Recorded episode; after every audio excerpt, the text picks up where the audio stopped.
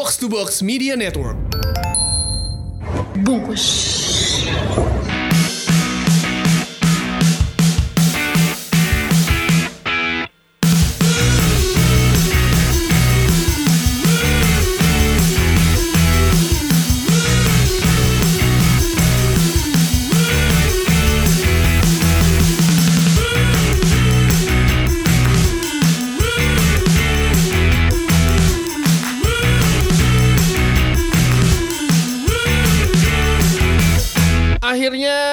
Kemarin itu Box to Box melakukan eksperimen. Eh, kita ngepost eh, eh, audio kita coach di YouTube. Oke. Dan ternyata netizen banyak yang protes ya kan. Karena Karena kok cuma ini doang. Netizen eh, banyak protes, Cuma Om. apa namanya? Cuma suara doang ya kan. bentar kita sambil selfie Wah dulu. sedap. Oke. Netizen eh, protes kok cuma suara doang pakai visual doang kayak dulu. Mohon maaf ya kan, pikir gampang.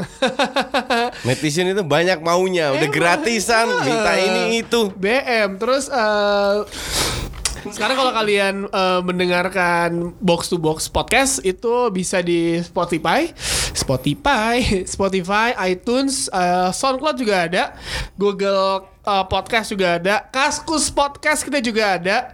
Terus yang paling baru eh, YouTube buat kalian-kalian yang fakir kuota ya, karena YouTube tuh ada ini coach, ada eh, gratisan kuota. Oh, Beberapa oke. provider tuh bergratisan kuota. Jadi mereka ya. sangat senang tidak mengurangi kuota. Emang sobat-sobat Miss Queen emang nih teman-teman kita nih emang Udah sobat-sobat hemat kota tapi mintanya suruh gue disuruh bahas ini itu dikira pikir gampang. Gampang apa? Eh, Oke, eh, apa kabar coach? Weekendnya kemarin siaran coach? eh mantap Mantap. siaran eh, siaran La Liga ya. Nah, Liga. Sayangnya aduh Kita kesian kita, lihat kita, kita bahas pertandingan kemarin kemarin lo eh, siaran ya. Iya. Real Madrid. Sebenarnya nih Real Madrid udah melakukan pergantian pelatih ya kan. Ternyata hasilnya juga kayak eh kuda. Sama aja nih, nggak ada perubahan. Bagus. sama kayak apa? Sama aja ya, sama kayak apa nih? Ah, belum. Kok bukan? belum, belum. Eh, bagus, terus jelek, bagus, bagus, bagus, jelek, jelek, jelek. Ya, ya konsisten lah, bagus, Ya, jelek ya. lah musim ini lah. Menurut lo sebenarnya permasalahan kan kita pernah bahas dulu. Permasalahannya pemainnya terlalu ini, terlalu eh, banyak bintang. Tapi ya udah, udah ganti pelatih, semua juga itu ternyata itu kemarin gue bahas di YouTube-nya Biin ya. Jadi lu kalau ngelihat tampangnya pemain dari mereka masuk lapangan itu udah nggak nggak happy. Yang gue lihat di Madrid sekarang persis yang gue lihat di MU zamannya Mu. Oh, oke, oke, oke. Persis seperti itu dan dan sangat kelihatan. I mean mereka sudah enam kali kalah loh, Bu- bukan sekali. Jadi kalau lu bilang masalah pelatih, ya pasti ada. Jadi banyak faktor lah, Ba- banyak faktor yang faktor yang jelas adalah untuk gue bakat mereka tidak berubah. Oke. Oke. Kalau kita ta- lihat tanya atau berusaha untuk meng- menganalisa masalahnya ada di mana, ya banyak faktor. Salah satu ya mungkin tidak puas, mungkin eh, ini bla bla yang mungkin pemain-pemain senior pengen Isco main tapi nggak nggak nggak dimainin dan kemarin akhirnya dimainkan Dimainin. dan pelanggaran yang dilakukan itu sebenarnya benar-benar nggak perlu kelihatan banget pemain-pemain yang memiliki kontribusi besar kemarin tuh ee banget. Asli asli ancur-ancuran. Marcelo Casimiro gue belum pernah lihat Casimiro bermain seburuk itu. Iya. Modric yang katanya juara pemain terbaik ke 2008 wah, itu parah. Dan ini bukan pertama kali. Modric setelah Liga La Liga dimulai lagi awal Agustus mungkin main bagusnya satu dua kali. Ya, ini permasalahan dia setelah Piala Dunia kan. Parah, ancur-ancuran, mungkin kecapean Piala Dunia. Kita bisa mencari excuse, tapi excuse-nya sih bukan situ. Excuse-nya kalau gue bilang eh, ya mereka harus lebih profesional aja, Eh. memberikan memberikan segalanya. Ya plus kalau kita ngomongin Luka Modric itu di di pas Piala Dunia dia bermain luar biasa. Ya. Uh, Kroasia beneran diangkat sama dia. Itu Kroasia Ya, kalau kalau ya, nggak dia setuju. berantakan sih. Kroasia kalau nggak ada Modric nggak bakal nggak bakal ngalahin Inggris Ya, tuh betul. di semifinal. Eh, tapi di final Liga Champions dia juga luar biasa mainnya Ya, habis itu Piala ya. Dunia dan akhirnya balik ke Real Madrid dengan sistem yang berbeda, skema yang berbeda, pelatih yang berbeda. Apakah ini salah satu yang mempengaruhi permainan dia karena dia mungkin dia kayak bingung mau adaptasinya baru sudah mulai nyetel sama skemanya Julian Lopetegui tapi eh, doinya cabut terus sekarang Santiago Solari Kalau seandainya ada pengaruh dengan uh, pelatihnya, at least yang main jelek itu hanya dia. Ini kan satu tim yang main jelek, jadi bukan dia aja. Pasti ada pengaruhnya. Maka dari itu gue bilang banyak sekali faktor. Salah satu faktor yang mungkin pergantian pelatih, per, per, pergantian strategi. Tapi yang yang gue lihat adalah uh, lu udah ganti pelatih gitu loh, dan nggak mungkin diganti pelatih lagi. Iya betul. Sekarang at least kalau lu mau Solari seandainya lu sebagai pemain kayak yang terjadi dengan mau di Chelsea dengan mau di MU kalau di di MU itu jelas-jelas strateginya itu bapuk tidak bermain tidak sesuai dengan kapasitas udah udah jutaan kali gue gue sebut di di semua sosmed di di mana pun gue katakan dan terbukti. Tapi kalau di sini kan nggak lo petik itu main luar biasa. Memang berubah karena untuk gue Zidane pelatih bagus tapi bukan top. Dia lebih mengandalkan skill dibantu dengan seorang Ronaldo.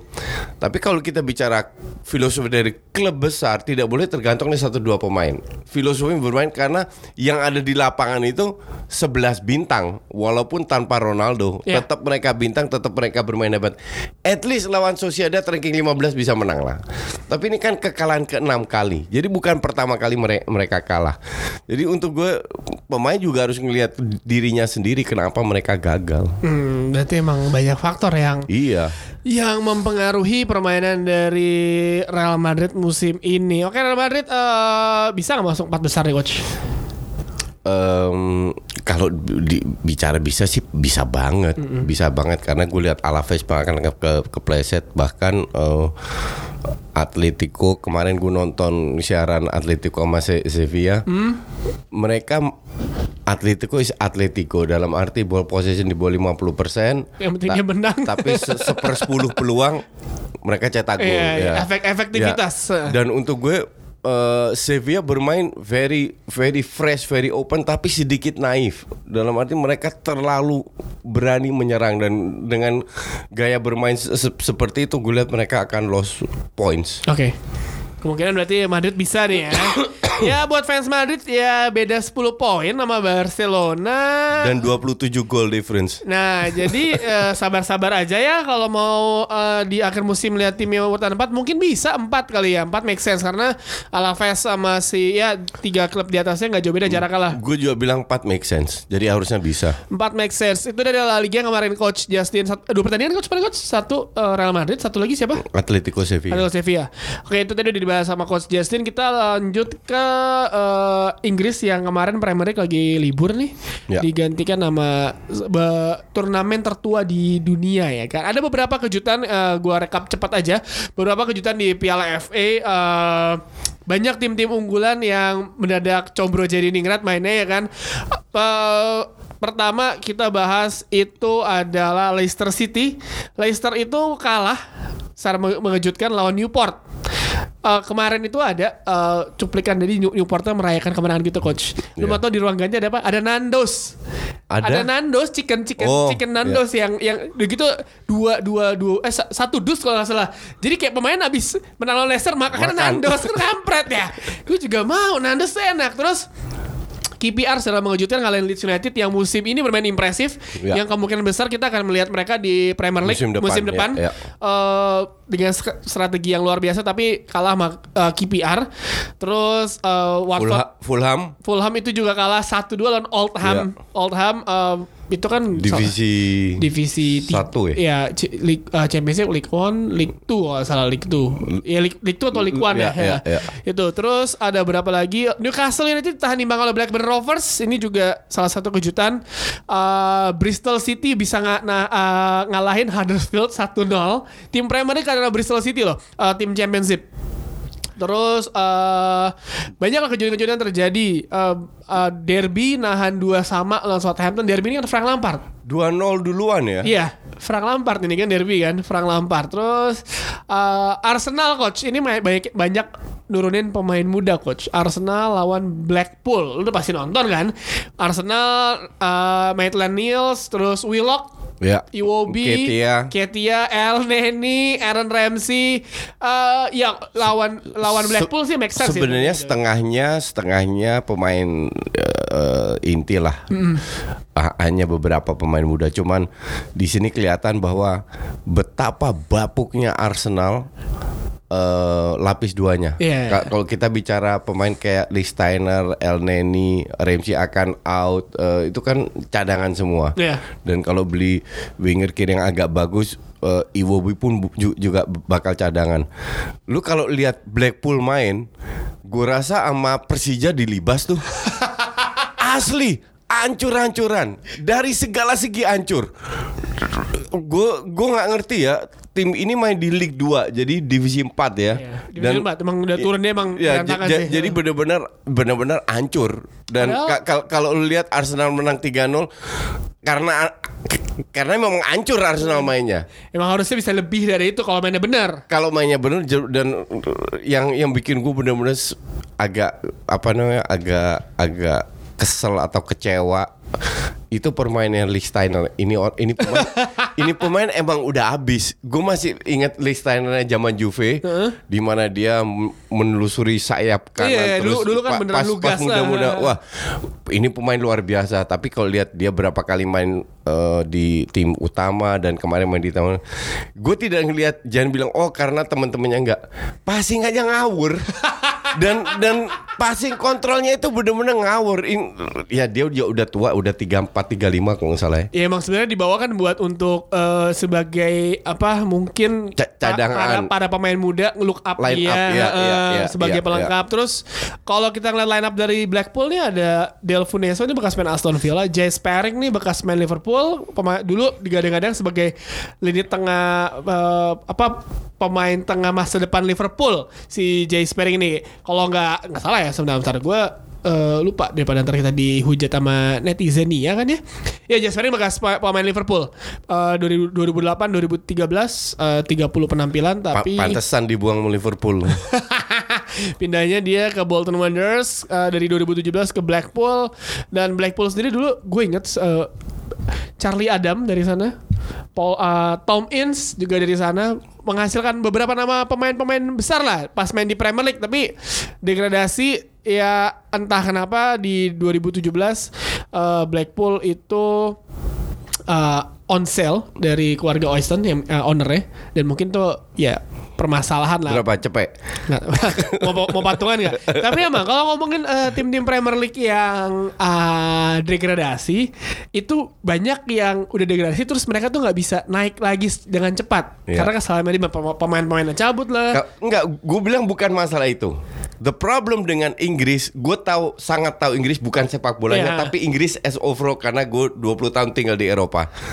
Inggris itu rakinya itu, ya sorry, fucking konservatif loh. Ngerti nggak? Iya. Dalam arti mereka itu merasa dirinya eh, ya paling benar. Iya, iya, iya. Apalagi di bidang sepak bola. Jangan heran kenapa pemain Inggris jarang main di luar.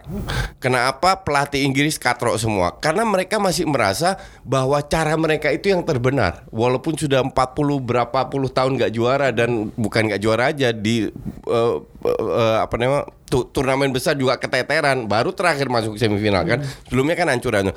Dan itu kelihatan banget dengan Blackpool. Dikit-dikit long ball. Di- dari kick and rushnya itu masih dipertahankan di divisi mungkin divisi 3 ke bawah ya.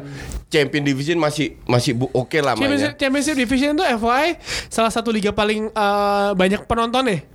ya oke. Salah satu penonton nih. mungkin menengah eh, 10 tim lah, Iya, iya, 15 tim oke sisanya juga katrol. Nah, ini yang harus dirubah bahwa Inggris Inggris itu harus membuka dirinya terhadap perubahan-perubahan tidak hanya di di apa namanya di sepak bola aja dan di segalanya. Tapi kalau kita lihat kenapa mereka memilih Brexit, artinya mereka ingin memang ingin mempertahankan eh, Iya. norma norma kehidupan yang yang sangat konservatif Walaupun itu. banyak akhirnya menyesal ya. banget menyesal. banget. Goblok. Oke, kalau kita ngomongin eh, Piala FA nggak sedap kalau kita ngebahas eh, ini City menang 7-0 eh bombasnya si Phil Foden akhirnya nyetak gol eh, nyetak gol di eh, Etihad. Terus kemarin si siapa? Si Tottenham juga menang besar. Lawan Tranmere Rovers juga sih tapi Ya, masalah ya. Eh, tim-tim bawah. Tapi yang paling menarik adalah eh, Enggak, kalau Tottenham menang besar, gue nggak heran.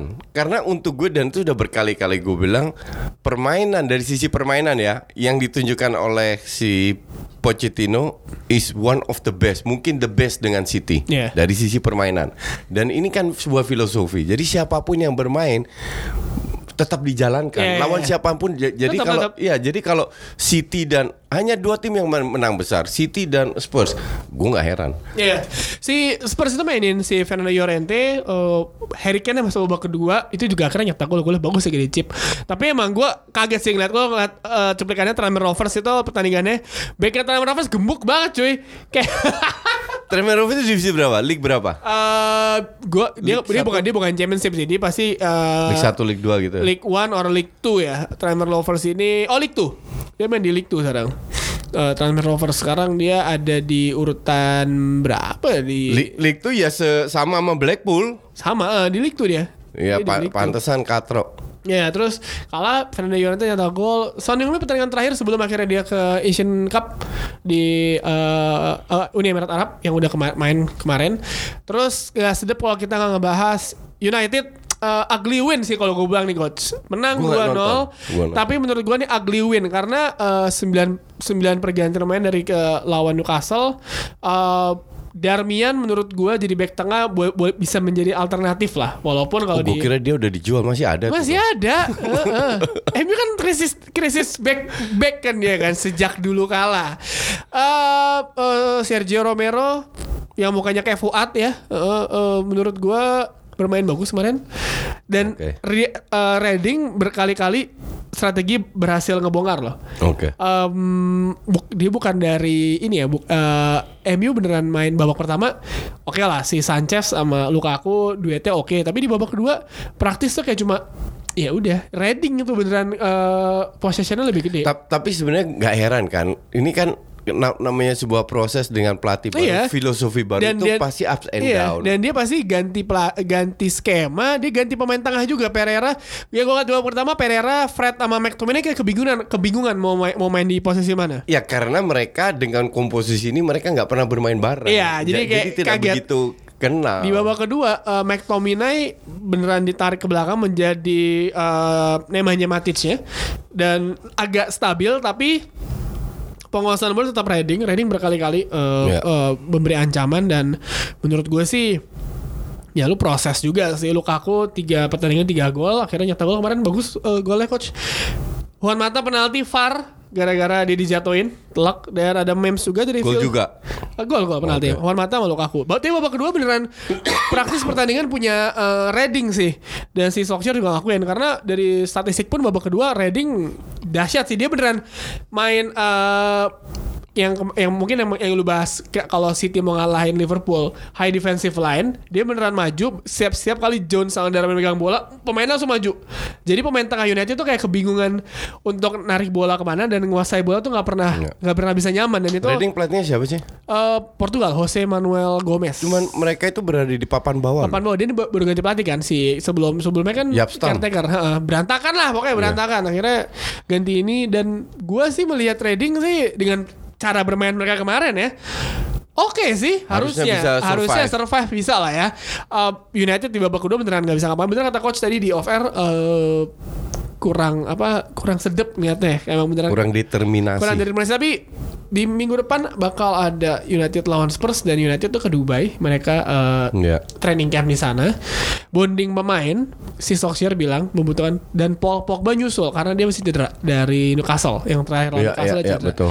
jadi ini ya Kemungkinan nggak main juga lawan Spurs. kemungkinan makanya ditinggal di, di Manchester buat int- eh, intensif tapi si Solskjaer terakhir bilang kemungkinan besar bisa main kalau nggak ada Pogba beneran kehilangan sih karena di empat pertandingan terakhir United semuanya tuh Pog, eh, Pogba sentris banget terlihat banget dia Empat main lima gol kalau nggak salah. Eh, beneran beneran Empat lima assist. Iya beneran beneran Pogba semua yang dimaksimalin. Se- Sebenarnya bukan Pogba sentris, cuman yang punya skill di tengah ya cuma iya, dia. jadi beneran bola satu dua satu dua sentuhan Pogba Pogba Iya, passing iya, kiri kan kan iya. paling bener kayak gitu. Jadi eh, bagi fans MU ya bersenanglah senanglah kalian karena minggu depan kita lawan United lawan Semoga Spurs ya. seri. Wow, tiket bisnis nih.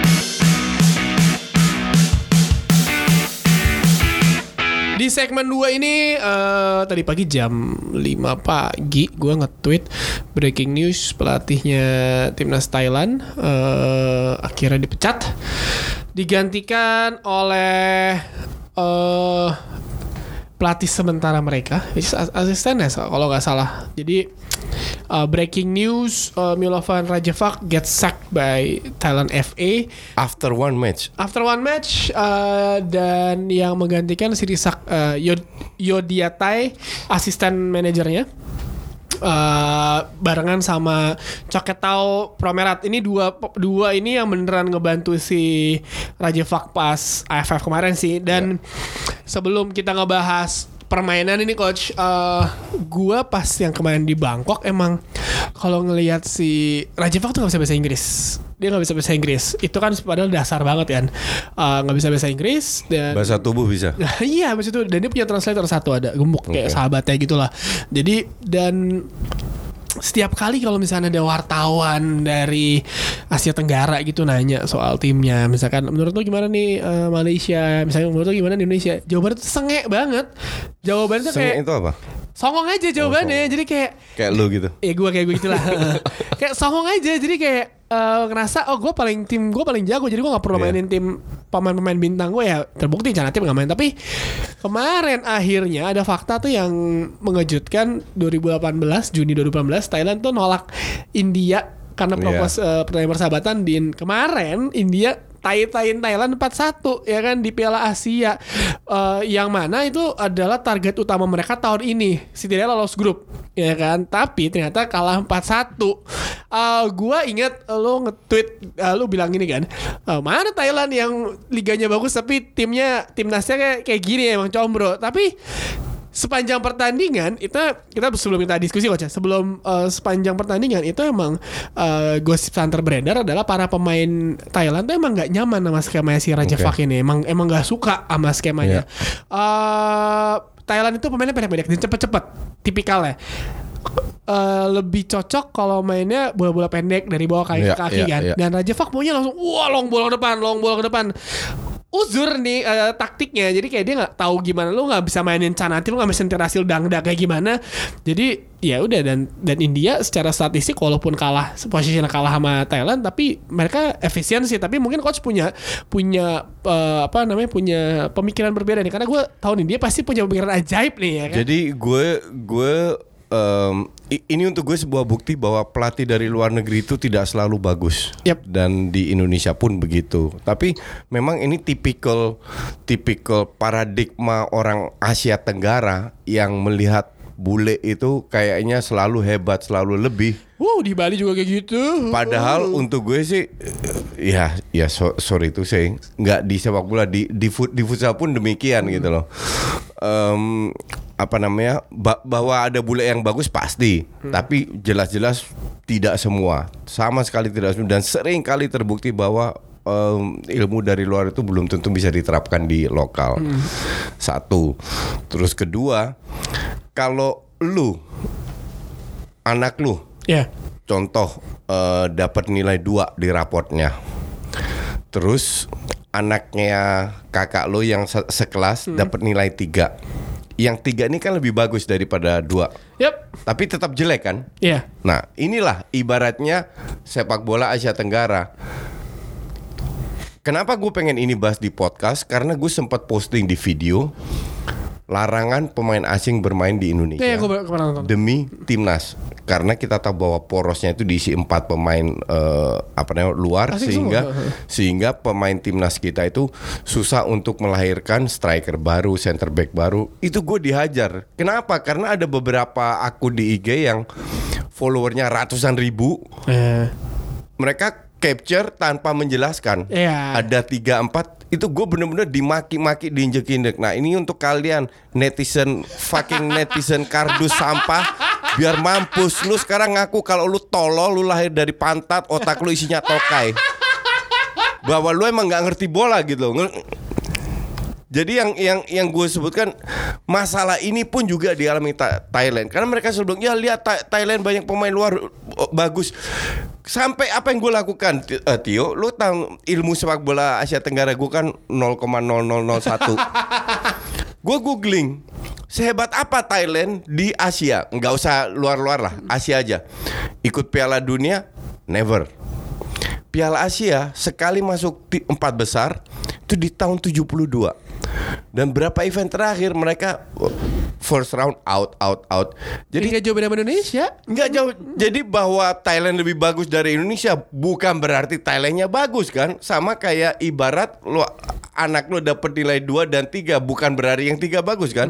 Sampah juga. Nah, ini kita harus realistis bahwa gue selalu membandingkan dengan negara bukan dari jumlah penduduknya, tapi dengan jumlah pemain sepak bolanya. Kita lihat India. Berapa pemain sepak bola sih yang punya India? Sekarang gue tanya. 100 ribu, 200 ribu dari penduduknya 1,2 M. I mean, gue nggak tahu berapa, tapi sedikit lah. Mereka tidak punya apa-apa. Bisa meng- bisa ngehajar Thailand gitu loh. Plus eh, olahraga nomor satu di Thailand itu eh di India itu adalah eh, kriket. Kriket. Kalau kriket top dunia. Iya. Hoki top dunia. Sepak bola kan enggak. Sama sekali tidak. Jadi kalau lu dikalahkan oleh Thai oleh India, ya lu harus ngaca. Dan untuk gue nggak heran, untuk gue ini salah satu bukti bahwa Thailand pun nothing untuk level Asia. Nggak usah dunia, di Asia pun nothing. Nah kembali lagi untuk netizen kardus tolol itu, kalau lu mau melihat dari menilai sebuah negara bagus atau tidak itu lihat dari pemain sepak bola yang ada. Pemain sepak bola di Indonesia itu jutaan, Ya. puluhan juta mungkin, ya kan? Dibanding Thailand kita jauh lebih banyak. Tapi kenapa kita nggak bisa lebih baik dari mereka? Emang kita hancur. Emang kita katro sepak bola kita katronya katro harus kita akui karena kalau kita nggak bisa mengkritik diri sendiri nggak bisa rendah hati kita nggak nggak- akan berkembang gitu Ya emang kalau misalnya kita lihat kemarin Thailand, Thailand di Piala AFF pun menurut gue juga bukan penampilan terbaiknya. Salah satu yang terburuk malah. Eh, Thailand itu eh, coach bilang emang Thailand busuk. Ya mungkin kalau di Asia Tenggara dibandingin negara lain kalau misalkan mereka mereka bisa menang atau apa karena emang ya udah emang emang level Asia Tenggara mereka udah nggak ada yang nggak ada yang bisa ngalahin. Walaupun sekarang menurut gue Thailand lah eh Vietnam yang bagus sejauh ini nomor satu. Mereka masuk empat besar Asian Games eh, kemarin. Terus masuk final As- Piala Asia umur 22 apa umur berapa gitu umur level junior masuk final coach. Ya. kalah. Dan di Piala Asia ini kemungkinan besar dia bisa ngejutin tapi nggak banyak cek cik eh, apa eh, nggak banyak cincong Ya, Ya, ya, makanya ya. dia main aja dan menurut gue eh, kan tiga negara Asia Tenggara masuk Eh, Thailand, Vietnam, sama Filipina. Ya, Filipina terlalu masih dibantai sama Korea Selatan, jadi gak usah dipikirin Iya, lah ya. iya, iya, Kalaupun mereka bisa nahan 0-0, gue pasti bakal tepuk tangan karena Iya. kalau ngelihat dari Sven Goran Eriksson, pelatih senior pasti dia tahu eh, pemain. Karena pas gue ngelihat di Piala AFF kemarin, Eriksson tuh kayak tahu pemainnya nih, oh gue tahu pemain gue tuh nggak bisa gini nih, jadi jangan dipaksa kayak gitu. Ta- tapi tetap kualitasnya sangat jauh terbatas. jauh jadi pasti Iya. dia feeling feeling gue sih ntar malam eh feeling gue dibantai. dibantai dan pasti si Filipina bermain bertahan tapi kalau dia main menyerang gue pasti respect banget sih kalau tetap nggak peduli Iya. oh gue nyerang aja lo kapan lagi main di Iya, Asia iya, lo lawan iya. lawan lawan uh, Korea Selatan pula Iya, kan iya. Uh, Vietnam nah Vietnam ini menurut gue yang bisa menjadi salah satu kejutan di Piala Asia nanti nih Thailand dibantai 4-1 di pertandingan kedua mereka wajib menang pertandingan ketiga juga wajib menang Satu grup sama siapa sih? Thailand itu satu grup India uh, Bahrain sama tuan rumah Uni. Emirat Arab. Udah amat ini sulit ya kan? Ini sulit lah. Maksudnya lu mau nggak mau MGMT nih mau nggak mau tapi lu mesti dua pertandingan sel- selanjutnya lu mesti menang. Gini gini. Em, kalaupun seandainya Thailand lolos dan menang, menang menang dua-dua terus mereka lolos, bukan langsung berarti mereka bagus kan? bukan, bukan. Yang dilihat kita bisa menilai negara bagus itu dari mana? Dari sisi konsistensi. Kita harus melihat sejarah sehebat apa dan sejauh ini di Asia mereka nggak berprestasi. Jadi dibilang Thailand bagus enggak. Nah, jadi harus ada ada sesuatu yang harus dirubah di Asia Tenggara. Jadi ja- jangan cuma ngeliat untuk gue bener itu udah gue ke Indonesia itu tahun 99, gue aktif di futsal tahun 2003. Itu da- dari zaman-zaman itu gue gue sudah apa namanya sudah ti- tidak mau aktif di sepak bola. Satu alasan adalah karena rakyat kita yang punya punya target yang menyedihkan. Hanya juara di di apa namanya AFF. di AF di di ASEAN lah, entah itu SEA Games entah entah, entah itu apa. Lu punya begitu banyak pemain yang lebih besar. Kalau lu mau maju lebih dari AFF, lebih dari hasil target lu itu rasa Asia. Dan itu pun juga di, di, dilakukan oleh PSSI. Kita lihat dari 30 40 match yang dilakukan oleh PSSI berapa yang di luar Asia? Oh, A- ASEAN, sorry. Mungkin 10%, 15% kan susah. Justru lu harus ketemu dengan tim-tim yang besar di mana lu akan dibantai, di mana lu harus belajar. Jangan menang lawan Filipina senang satu stadion, melawan Singapura senang stadion. Lu- Tapi apakah itu karena akan apakah itu maju. karena karena mungkin eh, para fans sepak bola Indonesia mawas diri lah ya karena kayak oh kita nggak bakal masuk Asia lah ada Asia Tenggara dulu aja lah. Enggak, bukan masalah itu Tio. Bahwa lu lu kalah atau tidak pernah juara, that's okay. Un- untuk gua nggak sam- sa- sa- sama sekali nggak jadi masalah ba- ba- ba- bahwa lu nggak pernah juara AFF lah, kasarnya begitu. Tapi kalau lu punya target tinggi, at least lu bekerja untuk ke sana. Iya. Nah, ini yang gue tidak lihat. Target kita itu terlalu rendah untuk kapasitas yang kita miliki. Kalau lu pasang target, at least gue harus tiap tahun konsisten masuk Asia atau di nggak usah empat besar lah, 8 besar Asia. Kalau lu punya target itu, secara tidak langsung semua pemain berubah, semua pemain profesional, pelatih dan lain-lain itu akan merubah pola pikirnya akan menuju ke sana, akan merubah bagaimana kita menyamakan diri kita dengan level 8 besar di Asia. Oke. Nah, kalau lu cuma target ASEAN, ah gini-gini aja, wah kita kurang beruntung kalahnya, kita ini, kita match fixing apa. Jadi sangat gampang untuk menyalahkan faktor ketiga, faktor eksternal, faktor luar, tidak mengacak pada diri sendiri. Sepak bola kita itu katro. Ini yang gue pengen dengar dari semua pemain, da- dari semua fans, semua pelatih dan apa. Sepak bola kita ini sampah, katro, hancur. Mari kita sama-sama membangun sepak bola kembali. Iya dari bawah. Dari bawah lagi. Mari kita sama-sama tidak saling menyalahkan. Kita harus sadar bahwa kualitas sepak bola kita rendah. Di ASEAN aja nggak pernah juara, nggak bisa survive. Tapi target kita, mari kita pelan-pelan. Kita perbaiki semua. Tanpa menyak karena yang udah lewat kan lewat. Ya. Kita harus melihat ke depan. Dan target kita harus tinggi berdasarkan jumlah pemain sepak bola yang kita miliki. Nah ini yang gue tidak lihat di Indonesia. Makanya gue selalu benci sama nggak media, fans semuanya menang lawan Singapura, wah langsung euforia kan kita menang. Gimana lu bisa maju sebagai negara, sebagai rakyat kalau mental lu seperti itu? Ngerti nggak? Lu harus ini gue kasih contoh kecil aja ya. Lu kalau juara judo atau apa di Belanda, orang nggak kenal lu. Lu akan ditanya, lu lu apa? Oh gue juara Belanda. Oke, lu berapa kali juara Belanda? Tiga kali. Lu pernah juara Eropa nggak? Nggak. Then you're nothing. Pada saat lu jaru, ja- j- jadi juara, juara Eropa, lu berapa kali juara Eropa? Sekali nothing. Lu nggak konsisten. Nggak dianggap. Pada saat lu menjadi juara dunia, orang nggak berapa kali lu juara dunia? Berapa kali kon- konsisten? Baru mungkin sedikit dikenal ka- kalau lu juara dunia. Lu cek di Google. Di, di cabang olahraga berapa Belanda melahirkan juara dunia? Itu ratusan ribuan mungkin dalam 30, 40, 50 tahun terakhir. Kenapa? Karena mereka kritis. Kalau lu menang atau lu juara Belanda doang, you are nothing. Jadi jangan songong, jangan sombong. Nah ini yang gue gue berharap lahir di para pesepak bola kita. Kita harus lebih kritis terhadap diri kita sendiri.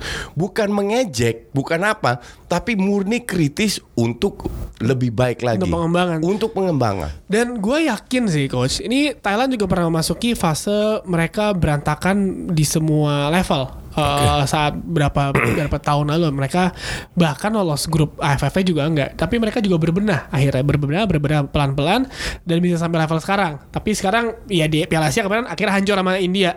Eh, Malaysia juga menurut gua salah satu yang menarik Eh, nggak diunggulkan di Piala AFF kemarin masuk final. Permainannya ya karena gini kalau misalkan permainan di turnamen gitu kan lu nggak mesti nggak nggak tahu ya gue berkaca dari Prancis kemarin di Piala Dunia Coach ya mainnya nggak ada bagus-bagus ya nggak ada cantik-cantiknya tapi Iya. efisien aja udah Karena mereka juga punya Nah, kualitas. iya gitu. Jadi eh, Malaysia hampir sama seperti yang dilakukan Malaysia main di AFF sama Vietnam itu hampir sama yang dilakukan sama Prancis. Lo nggak perlu main atraktif apa tapi lo Ya. hasil akhir lo menang menang menang. Itu cuma turnamen doang. Ini bukan Lu kalau kalah dari Malaysia kan menyedihkan. Malaysia itu apa sih? Bahkan sekarang di futsal tiga kali beruntun kalah, Tio. Gue terakhir kalah di futsal itu 2007 sampai 2013 nggak pernah gue kalah. Gue bantai terus. Karena untuk gue kalah dari Malaysia bukan karena itu untuk gue menyedihkan. Kenapa? Penduduk mereka berapa sih? Iya. Yang main bola berapa? Bahkan yang main futsal di sana Bram, mereka tidak punya liga pro seperti kita, tapi kita bisa dikalahkan kan kita harus ngaca gitu loh. Ya ini kalau sama Singapura lah Singapura eh, Singapura lagi, aduh ampun dah. penduduknya berapa? Nggak ada yang perlu main Dua juta, satu setengah juta, dua, juta. Kata orang Singapura mendingan gue jadi supir Grab aja ya kan? Ya betul, betul. Dan di situlah kita harus mengaca bahwa kita itu nothing. Iya. Dan itu gue tidak lihat. Iya. Terus menang lawan Timor Leste satu Indonesia. Oh kita menang besar. Aduh, lu pada sarap ya makanya gue gue mending gak usah aktif di sepak bola Indonesia deh daripada gue stres sendiri. Ka- karena untuk merubahnya susah gitu loh. Iya iya iya iya. Ngerti nggak? Ya itu menarik sih kalau ngomongin Asia Tenggara. eh gue sang gue pernah eh, diundang ke kandangnya Johor Darut Darut Azim. Iya. Dia tuh emang si TMZ emang niat banget untuk ngebangun timnya. Gue nggak peduli, gue paling jago, gue untouchable di Malaysia. Tapi target gue Asia. Iya. Targetnya awal Asia. Abis itu ya udah. Jadi dia ngebangun fasilitasnya beneran nomor satu coach. Nomor satu fasilitasnya nih di Malaysia udah gak, udah udah gak bakal sulit untuk, untuk lepas si juara lagi deh musim Iya, ini. iya. Eh, duitnya plus dananya nggak terbatas aja kan. Dan emang menurut gua keseriusan seperti itu juga perlu kan? Dan dia punya basis fans yang juga gede juga. Eh, Johor itu kalau lo ke Johor itu salah satu negara paling eh, di negara eh, kota di Malaysia yang paling berkembang karena dekat sama Singapura. Dia ada Legoland ada Hello Kitty Land dan ya panas aja sih sebenarnya tapi negara eh, kota itu sangat berkembang dan orang-orang itu eh, selalu bilang kalau mereka tuh bangsa Johor Oke, bukan Malaysia. saya bangsa Johor. Tapi ah, ini GDT ini salah satu klub uh, walaupun kemarin dibantai sama Persija itu karena Iya. Persi- uh, pas lawan pas di Piala AFF itu uh, si GDT itu mainin tim keduanya juga. Karena mereka fokus ke karena udah gak ada kans ya Piala AFC main tim kedua karena dia ada pertandingan di Liga Malaysia. Jadi fokus ke situ dan big match setahu gua. Jadi main itu dan musim ini me- mereka main di Liga langsung lolos ke uh, uh, putaran utama Liga Champions Asia. Maksud gue dengan fasilitas yang ada kan harusnya klub Indonesia juga bisa mikir kan. Oh kalau fasilitas lu bagus dan eh, ini lu bagus, That's not enough juga Iya, ya. maksudnya- Ka- kalau mendukung iya. iya mendukung terus lu kan juga mesti bikin pembinaan dari bawah yang seperti yang Ya, lu bilang nah, kan. Seperti, nah, in- in- ini gue mau tanya lo. Sekarang kalau kita ingin membangun sebuah olahraga, itu kan proses. Prosesnya itu harus top down atau bottom up. Bottom up sih kalau Kan bottom Heeh. up, tapi kita realistis fakta yang terjadi di sini. Top- kan top down. Semua fokus di timnas senior dan lain-lain, bawahnya di- dilupakan, baru pelan-pelan ke bawah. It- dari situ pun sudah salah gitu loh. Nah, bagaimana ca- cara untuk merubah mata Najwa udah pelan-pelan ingin berusaha untuk merubah PSSI gimana? Yang bisa merubah PSSI kan orang-orangnya sendiri. Klubnya sendiri, pelatihnya sendiri, pemainnya sendiri, pengurus PSSI-nya sendiri, ditambah fansnya sendiri. Fans fans itu punya power kuat sekali loh. Yep. Ben very very powerful fans. Fans digabung sama netizen, waduh. Lu kebayang Hameha-meha lu kebayang kalau sebuah klub yang selalu rame Persija, Persib, eh, Persebaya, kalau fansnya memboikot untuk datang ke pertandingan. Coba kebayang? Selesai. Apa nggak didengar itu? Kalau itu 10 match beruntun, selesai itu klub. Itu asli selesai itu klub. Ya. Karena fans itu punya peran penting sekali dan gue tidak melihat fans kita itu didengar oleh sebagian besar klub. Betul dan itu yang yang sudah terjadi sekarang ya di Eropa. Kemarin Bayern Munchen ada protes dari fansnya juga kan. Eh, terus yang dulu yang Munchen lagi. Lu tahu kenapa alasan Munchen tidak kan dia protes waktu Nah. dia main di Arsenal. Heeh. Kenapa alasan Munchen tidak meninggikan karces eh, tiket karcis masuk tidak seperti Arsenal sampai 100 120 Hmm. Arsenal paling mahal sekarang, ya kan? 150 euro tapi mereka cuman 15 euro 20 euro Rummenigge bilang kalau kita naikkan mungkin income kita akan bertambah sekitar 5 sampai 10 juta euro setahun tapi dalam sepak bola 5 10 juta euro itu nothing bisa dicari dan gampang. Iya, dan dengan gampangnya daripada kita menyengsarakan fans kita, mending kita rendahkan harga tiket, mereka cari di tempat lain duitnya. Jadi untuk Eropa, untuk dunia itu fans itu penting dan gua harap fans kita lebih bijak lagi bukan dari sisi tawuran atau ego dan lain-lain. It, it ta- tawuran untuk gue itu kan cuma ego ya kan. Yap. Tapi lebih benar-benar ikut berkontribusi berkomunikasi dengan manajemen eh, dan juga dengan PSSI melakukan tekanan secara elegan. Ya. Use your brain secara elegan tanpa kekerasan, tanpa memaki, menghina, memfitnah dan itu mereka memiliki power yang besar kalau menurut gue. Harusnya ya berkaca dari Piala Asia kemarin dari Thailand kalah sama India, India pasti fansnya gila-gilaan ya sekarang nih pasti bolanya lagi apa fans apa masyarakat India lagi heboh nih ya kan Kalau lu tanya sama gue Tio, seperti lagi mereka juga top down bukan bottom up. Pastilah. Dan dan gue bilang ini cuman sesaat aja, ups and down juga. pastilah Eh, kalau mau lihat Asia menurut gue yang eh, perkembangannya paling oke saat ini Jepang Jepang, Jepang, itu Korea. Jepang Korea itu Jepang itu pemainnya tuh eh, gue ingat pemain yang main di Piala Asia kemarin udah main di Piala Dunia Eropa eh Piala, Piala Dunia Antar Klub kemarin Iya. lawan Real Madrid pula lagi eh udah main maksudnya jenjang karir kan jelas dari bawah Iya. kan karena emang mereka kan ya strukturnya juga Da- jelas dari dulu dari awal J League lahir itu sudah jelas. Dan orang bilang kenapa di Jepang banyak pemain luar negeri timnasnya juga pemain timnasnya kan banyak main di Eropa dan masih ke Jerman kan Iya, nggak di Jerman, di Belanda pun banyak. Iya, iya. Ja- Jadi di Eropa itu banyak. Maka dari itu mereka lahir eh, membu- membuat timnas yang hebat. Bukan kali, tapi dalam sebuah liga yang lagi berkembang. Kembali lagi ke topik yang gue sudah bikin itu, yang di mana gue dihujat. Untuk gue lebih baik tanpa pemain timnas, eh, pemain asing. Pemain asing. Iya. Iya. Mungkin sesaat, setahun, dua tahun, tiga tahun. Habis itu pelan-pelan dimasukin satu, dua, gitu.